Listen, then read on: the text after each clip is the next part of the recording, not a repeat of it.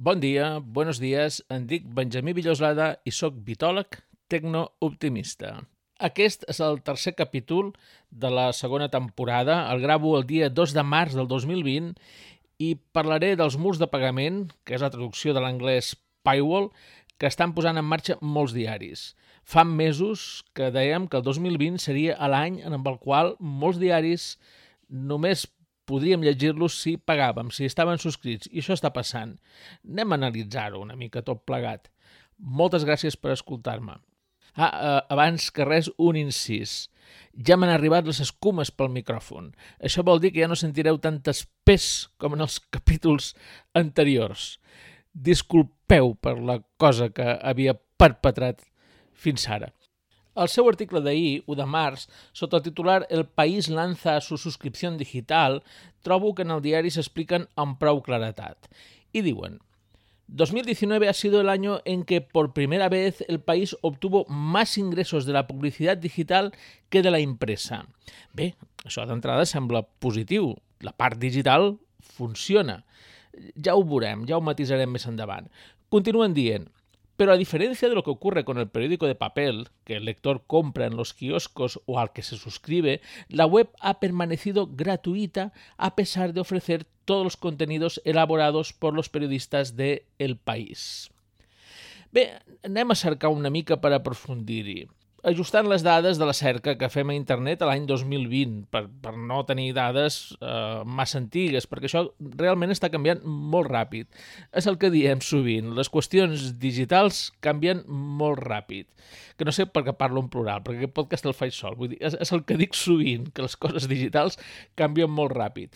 Doncs bé, eh, les xifres que trobem del 2020 eh, sobre el paper al país són prou reveladores, reveladores de quina cosa?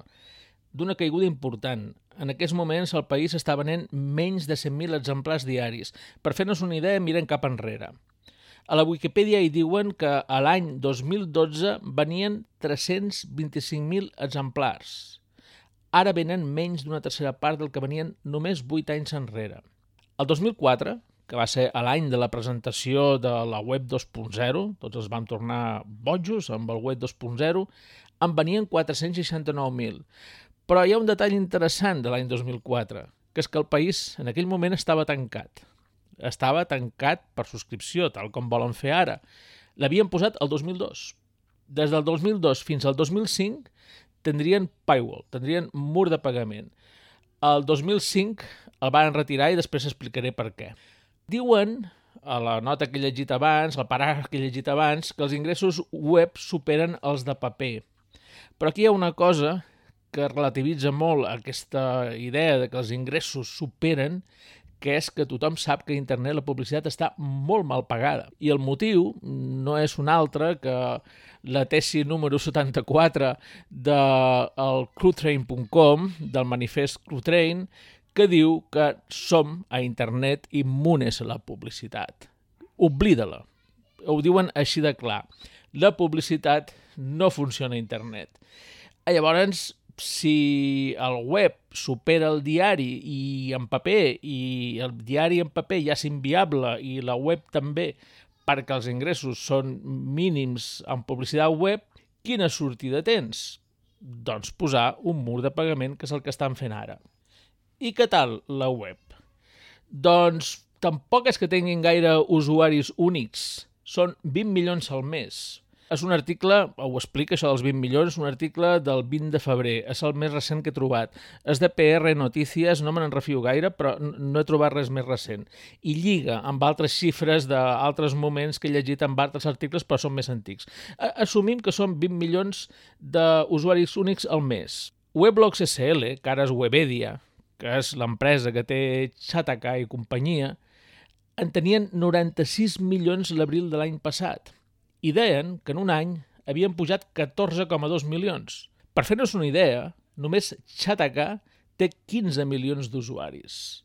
Només 5 milions menys que el país. I és un blog monotema que parla de tecnologia i de res més. Ni política, ni societat, ni art, ni literatura, ni procés, ni la unitat d'Espanya... No, parlen només de tecnologia Em sembla que aquesta comparació, aquest detall, serveix per fer-nos una idea de si 20 milions d'usuaris són molts o són pocs pel país. Abans us he dit que es mantenia el mur de pagament previ del país, el que varen tenir entre els anys 2002 i 2005, perquè aquell mur té la seva història. Va servir d'experiència per tots els que tenim la mania d'observar quines coses passen en el món digital. Doncs bé, el país l'any 2005 va obrir perquè no només havia esdevingut invisible a la xarxa, sinó que, a més, havien donat molta visibilitat al diari El Mundo, que era la seva competència directa, i a més a més havien fet que sorgís, que aparegués un altre diari a internet, el 20minutos.es. Possiblement la invisibilitat a la xarxa en el país no li importava gaire, perquè tampoc crea massa amb internet, l'any 2002 quan posen el mur, i, i a més a més el negoci del paper els anava molt bé. Però això de que el Mundo li vagi bé a internet, que és la seva competència directa, que aparegui un diari nou i que, a més a més, entre el 2002 i el 2005 se n'adonin que internet poder sí que és el futur, perquè apareix aquesta cosa de la web 2.0, tot això els va fer canviar de parer. El 2002, el Pedro J. del Mundo se'n va donar de seguida de la situació eh, si tu ets progressista i participes en un fòrum, que en aquell moment a internet, el 2002, hi havia sobretot fòrums en forma de correu electrònic o de web, si tu expresses allà una opinió i ho vols recolzar amb un article periodístic, no tens cap per citar que sigui progressista a internet. Llavors, el Mundo se va tornar mm, més progressista a la web. De fet, tu miraves l'edició web i el que deien i l'edició de paper i no semblaven el mateix diari. I tot era per aconseguir visites a través d'internet. Eh, varen ser els fòrums, més endavant varen ser els blogs, eh, després es comença a parlar de la web 2.0 que donaria lloc a les xarxes socials, poder ja hi havia l'Orkut, que és una de les primeres xarxes socials que puc recordar, i clar, tot això anava avançant mm, sense cap diari progressista més, més que el, el Mundo per citar, i els que són progressistes, bé, els citaven, però amb aquella cosa de dir mm, no m'acaba de fer gràcia, però és que no tinc res més. I amb aquestes circumstàncies d'escassetat de progressisme periodístic a internet, l'Arsenio Escolar del 20 Minutos presenta el 20 Minutos.es. L'Arsenio Escolar encara és més llest que el Pedro J. I, de fet, és el pare del Nacho Escolar que després faria el Diario.es. Ell crea el 20 Minutos Ponés, que presenta el 3 de febrer del 2005 amb llicència Creative Commons. Uau! No només té una ideologia molt més moderna i progressista que, i clarament així que no passa el Mundo, sinó que, a més a més, està fent que tota la seva feina estigui amb una llicència de copyright lliure, que en aquells moments també era una qüestió cultural d'internet, el fer que el coneixement i del qual el periodista hi forma part, circulés en llibertat per la xarxa. Així que citar el 20 minuts ponés es va convertir en una moda i els blogs, perquè ja estem en el 2005, i les primeres xarxes socials n'anaven plenes. Clar, en el país eh, segurament varen sentir un tremolor a la força i només quatre mesos després, exactes, a més a més, a l'abril, febrer, març, abril, maig, juny, no, el juny del 2005, el diari El País va eliminar el mur de pagament i de cop es tornaven molt web 2.0 tot plegat ho vaig poder veure molt de prop perquè a desembre del 2005 presentàvem el Meneame i durant el 2006 el país ens tractava molt bé.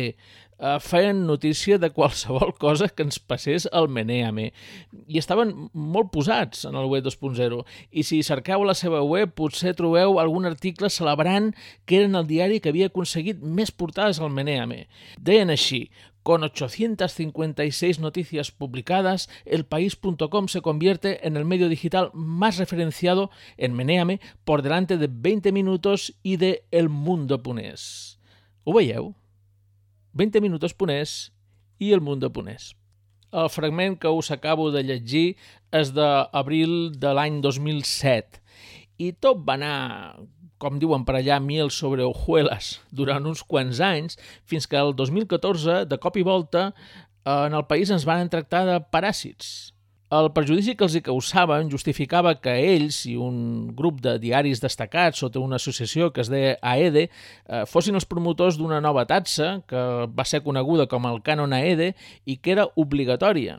Si tu tenies un lloc a internet que citava diaris, el dret de cita de tota la vida i que no és còpia si no passa de no sé quantes caràcters o paràgrafs i que tots estaven complint escrupulosament, se carregaven el dret de cita i si tu tenies un lloc a internet que el citava, estaves obligat a pagar. Però si no els citaves, pel fet de tenir un lloc que els pogués citar, també estaves obligat a pagar. Així que no te n'enllioraves de cap de les maneres. A Google es van enfadar molt i el Google News em penso que encara no, no, de fet no m'ho penso, és segur, encara no ha tornat. Eh, Espanya crec que és l'únic país occidental que no té Google News. Clar, tot això els hi va treure visibilitat. El fet de no aparèixer amb un portal de notícies de Google va significar menys notícies. En el cas de Meneame, la comunitat va decidir que no citaria cap lloc d'AEDE com a protesta per un intent de fer pagar per un dret històric de la humanitat com és el dret de cita. I això va fer que s'ho repensessin. Així que a l'any 2017 el Cebrián deia que és necessari un camino de cooperació entre medios i empreses tecnològiques. També deia que trobava que és un error imponer una tassa obligatòria e irrenunciable. No, en el país ni a prisa mai no han tingut gaire vista digital. I ja posats a esmentar el cànon AEDE, no tot va cap al país. El Mundo va ser especialment dur parlant de paràsits i de gent que se n'aprofitava de la seva feina a internet. I recordeu, ho he explicat fa un moment, del 2002 al 2005, el diari El Mundo va arribar a canviar el seu color polític a internet per aconseguir enllaços, per aconseguir visibilitat. Ara, aquesta visibilitat i aquests enllaços, el 2014, s'havien convertit en parasitisme. En què quedem? Bé, repassar la història recent de la premsa i internet a l'estat espanyol serveix perquè ens feiem un context que ens ajudi a entendre per què som on som, de quina manera i com hi estan plantats per fer front a un moment tan important com el que arriba ara, que consisteix en seduir a centenars de milers de persones i poder qualque milió de persones a que financin la seva feina. Perquè el finançament que havia funcionat fins ara i que estava fortament basat en la publicitat, a internet no ha funcionat mai prou bé, però és que en el futur funcionarà molt menys. És el que diu el manifest Cretrain, que és de l'any 1999 i que és perfectament vigent simplement perquè ha passat. La tesi 74 diu som immunes a la publicitat, oblideu-la. I això és el que ha passat. Remprenc el fil de l'article del País d'ahir en el qual anunciaven el seu mur de pagament. Al subtítol de l'article hi ha un resum de tot plegat. Això sí que ho ha tingut sempre el país. Al començament t'expliquen de què després parlaran, que desenvoluparan. Doncs la introducció diu El diario da en marzo un importante paso para garantizar su futuro periodístico.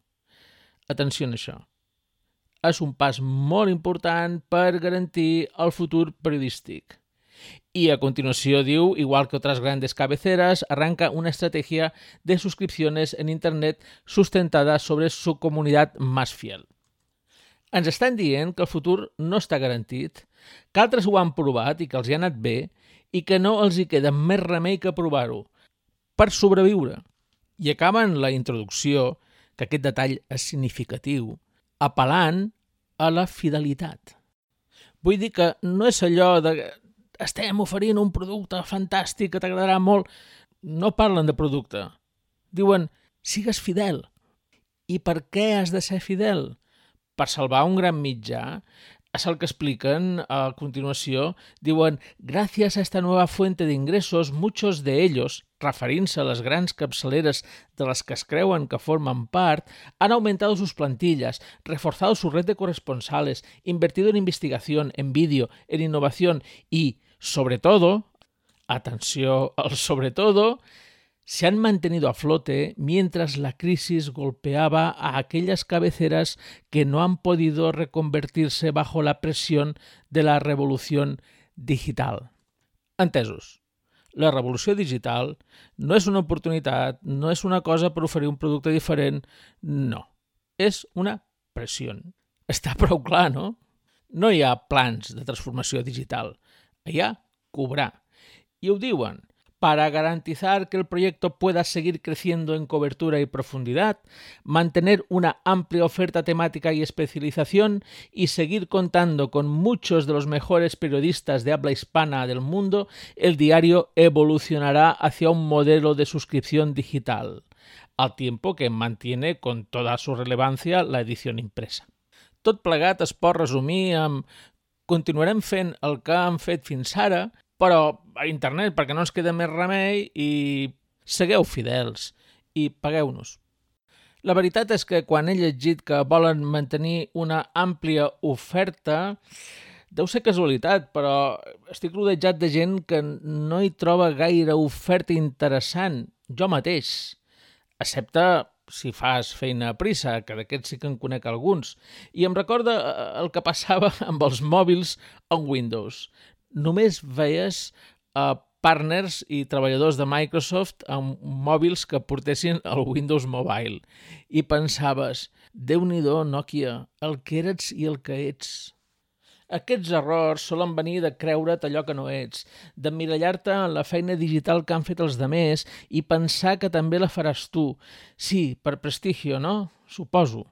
Una regla de tres que no té en compte la frase espanyola torres más altas han caído.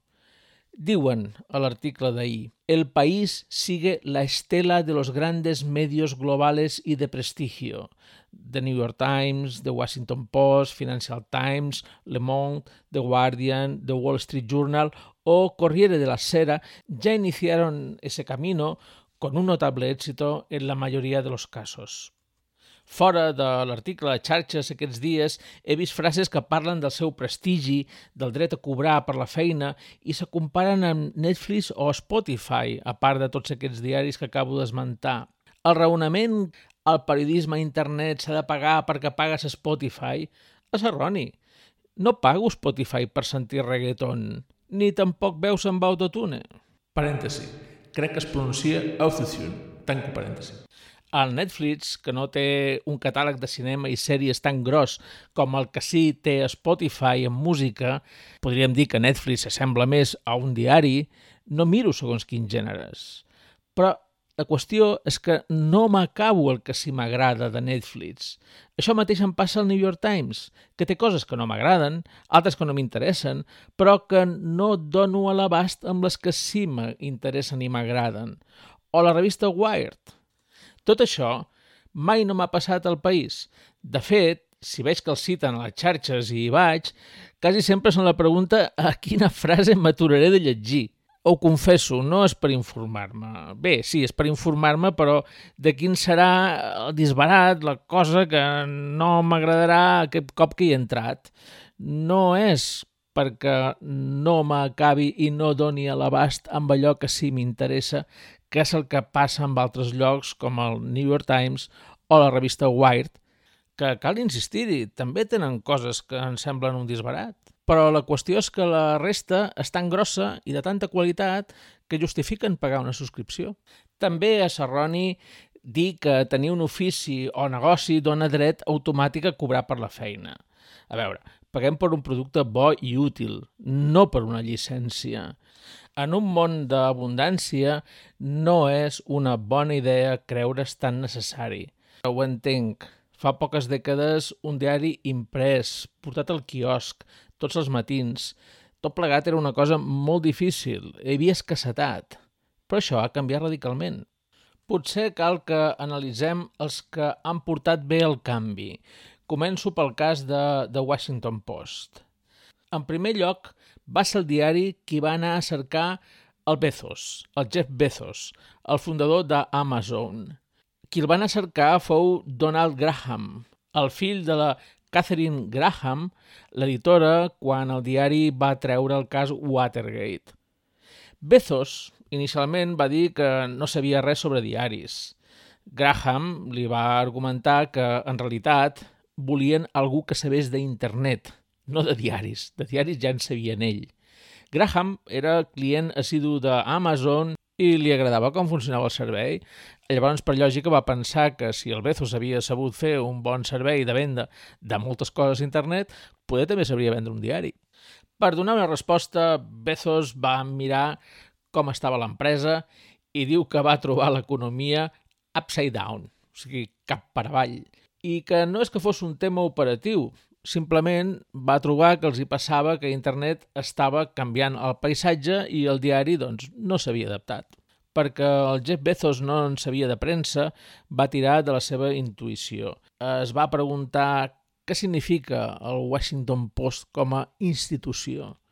Si tanca, si desapareix, haurà la pèrdua d'una institució o serà la pèrdua, no sé, d'una empresa d'aperitius salats?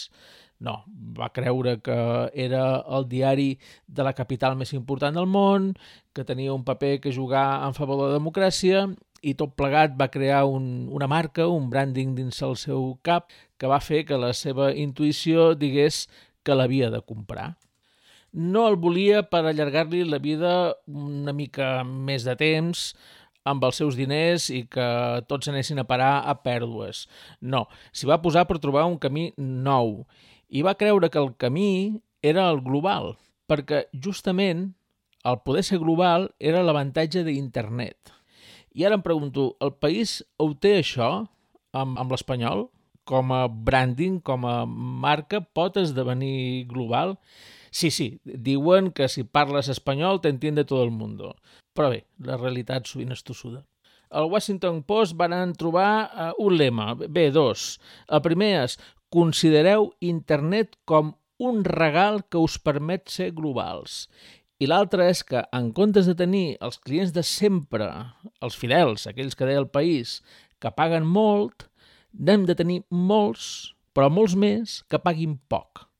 Aquesta era l'economia que fins ara havia fet triomfar Amazon. Quan ara el Jeff Bezos ho explica, diu que tot plegat va ser intuïció, que no va ser anàlisis. Bé, sí com sigui se n'ha sortit. També cal dir que després de la intuïció va haver un fort canvi tecnològic al The Washington Post. No oblidem que Bezos va saber veure la importància tecnològica d'una cosa que possiblement només s'entendran els tècnics que m'escolten, que són la SAPI. I ell ho va veure el 2002. Va enviar un email molt conegut en els seus empleats dient-los que tot Amazon havia d'estar a partir d'ara programat, eh, orientat i basant-se en APIs. I el seu correu acabava amb una frase que ja és una anècdota popular. Deia que qualsevol que no ho faci així serà acomiadat. Thank you. Have a nice day. Davant la pregunta de si Bezos ha salvat o no el Washington Post, Graham diu que Bezos seria el primer en dir que no té la resposta. I quan diu la resposta és en mayúscula, amb L mayúscula i R mayúscula, però que no hi ha ningú que contesti, perquè la forma en què la gent s'informarà al segle XXI encara és un tema obert. Vull dir que Graham i Bezos saben que ho estan aconseguint, però que no ho han aconseguit penso que el cas no és gens fàcil de reproduir.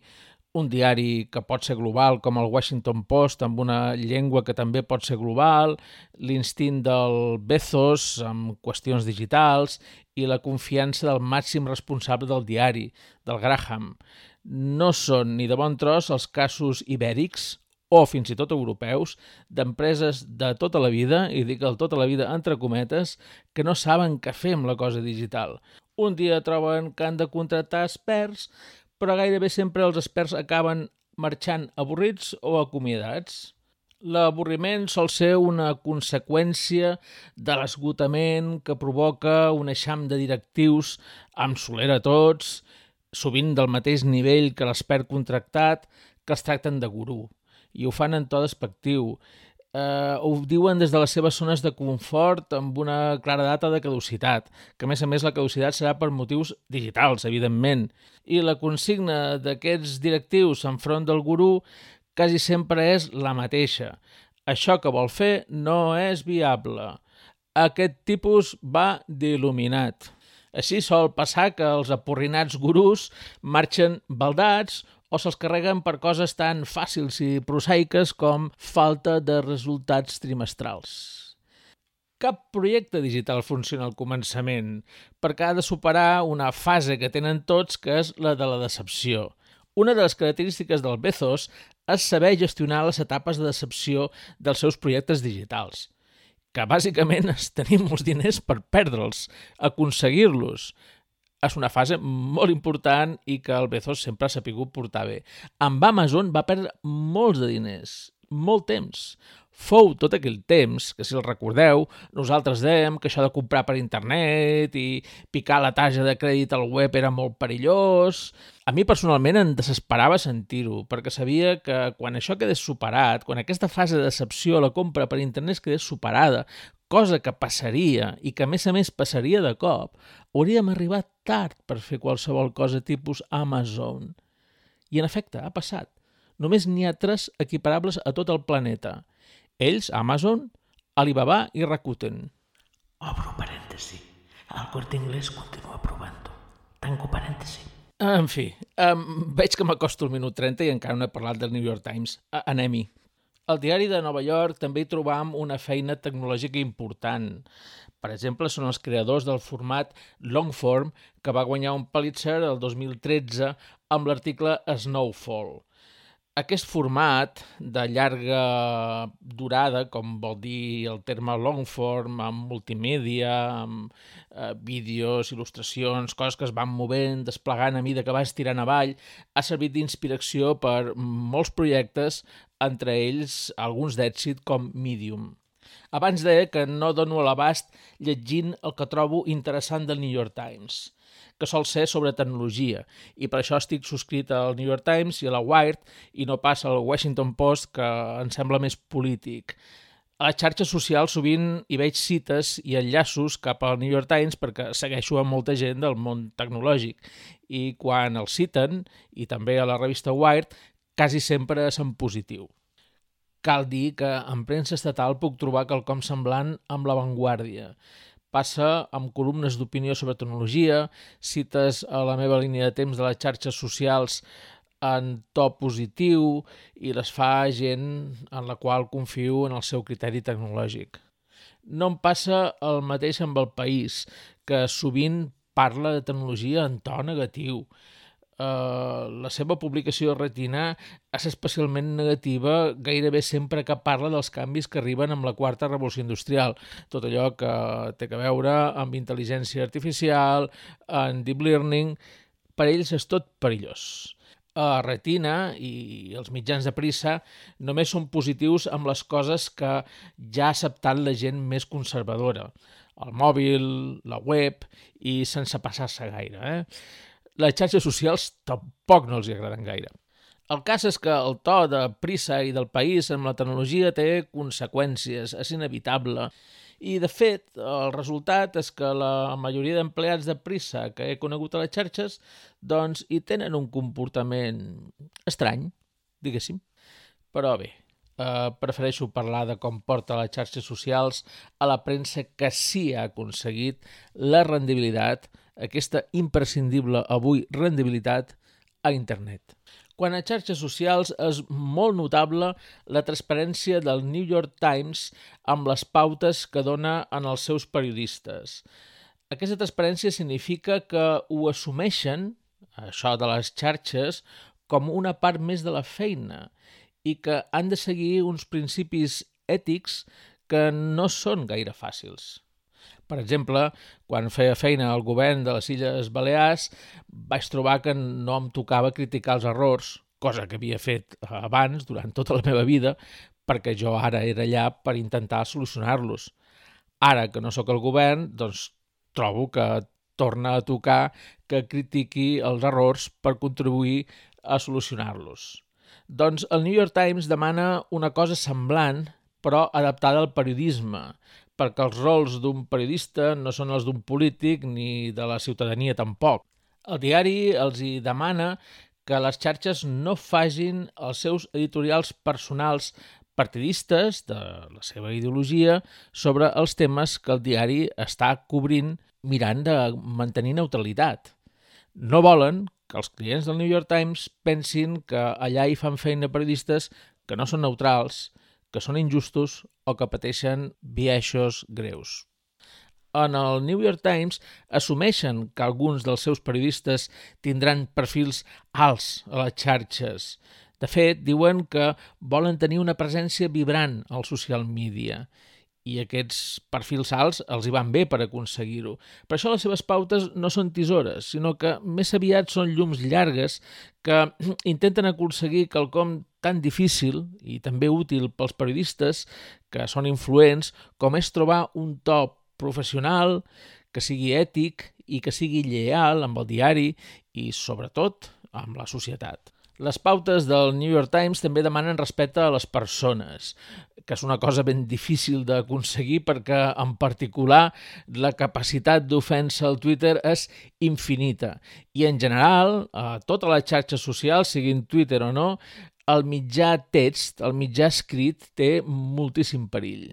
Normalment el llegeixen amb el seu to, amb el to d'un altre que tu desconeixes, també amb el seu context, que no és el teu, i això pot servir per convertir en ofensa qualsevol sarcasme i qualsevol ironia.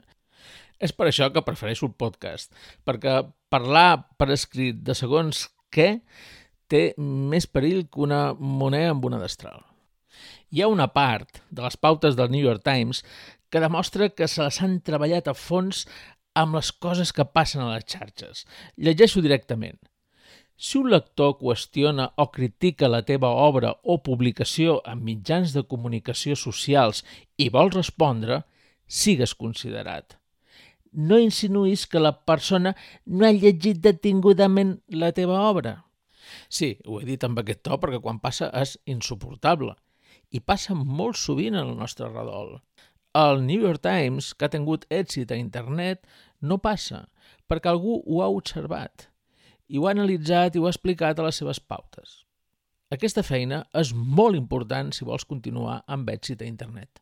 En el diari de Nova York estan d'acord amb no respondre i blocar les persones agressives i desconsiderades, perquè blocar també és una forma de respondre i de moure's per la xarxa, i a més a més és legítima, per molt que diguin que no les persones agressives i desconsiderades. A veure, què, han de dir? Blocar és indispensable perquè ara mateix Twitter està infestat de perfils que no són persones amb la seva opinió, sinó perfils falsos, guionats amb insults i agressivitats de tot pelatge. Són tàctiques de propaganda que les paguen alguns partits polítics, associacions i corporacions que, com podeu imaginar, tenen doctrines feixistes i populistes. Bloc. El diari, per afinar la cosa dels bloquejos, demana no blocar els que només han estat crítics. A més, el diari també ofereix suport personal pels que reben amenaces. Està previst dintre dels serveis del diari cap als seus periodistes que se suposa que tots s'han de moure amb regularitat per les xarxes. M'ha cridat força l'atenció que demanin que quan esborres un tuit perquè has comès un error, ho expliquis a un altre tuit. I ho demanen en nom de la transparència. És interessant, no se m'havia acudit mai. Finalment, a la plana que el New York Times eh, publica les pautes a les xarxes socials demana l'opinió dels lectors. Potser se'ls ha escapat alguna cosa han entès que pel seu negoci el tema social digital és molt important. Entre una cosa i l'altra ja ha arribat al minut 35. Aquest podcast s'està allargant un pèl massa. Disculpau. Bé, he dedicat un espai a aquests detalls perquè tot seguit compareu amb com ho porten els periodistes que coneixeu. Insisteixo en que és un ofici que sovint es presenta com a quart poder – que és indispensable per la democràcia i per la justícia, que ha de ser més imparcial i ètic que qualsevol polític, de fet. A continuació, recordeu que a poc a poc tots ens demanaran que els paguem la seva feina, indispensable, mitjançant quotes individuals regulars perquè la publicitat, doncs, no basta. I bé, el cas és que prou periodistes que conec són a l'extrem oposat del que acabo d'explicar del New York Times i del Washington Post. Tenia pensat entrar en detalls, però això s'ha allargat massa i no ho faré pas avui. Un altre dia. Si anau en darrer, pregunteu-me. En definitiva, la situació del país és comú a tota la premsa. El periodisme no es pot pagar amb els ingressos del paper ni amb la publicitat al web. Això és un fet. Cal subscripcions. Ningú ho posa en dubte. Està claríssim. Alguns ho han fet i ha estat en mitjans seleccionats segons els criteris que acabo d'explicar els llocs que ho fan bé es caracteritzen per un caràcter digital fort, tant en tecnologia del lloc i les aplicacions que ofereixen a la clientela com en el seu perfil a les xarxes socials tant del mitjà com de les persones individuals. Cuiden l'ètica, la justícia, la neutralitat, eviten els biaixos, estan disposats a parlar-ne en obert, accepten les crítiques, saben que internet és el seu mercat i que, bàsicament, la xarxa és un món de converses. Ens sap greu perquè ens agafa de prop, però no, no, no, no puc veure aquest panorama a la premsa tradicional de l'estat espanyol, ni tan sols les intencions. Però això no vol dir que el periodisme estigui acabat com a qüestió necessària per a la societat i la democràcia. No, simplement s'ha de refer, s'ha de reinventar, han d'aparèixer coses noves i, com sovint dic, en el digital tenim la sort que gairebé tot encara està per fer. Recordeu quan Graham deia que Bezos no tenia la resposta amb L mayúscula i amb R mayúscula perquè la forma que la gent s'informarà al segle XXI encara és un tema obert? Doncs això. Moltes gràcies per haver-me escoltat.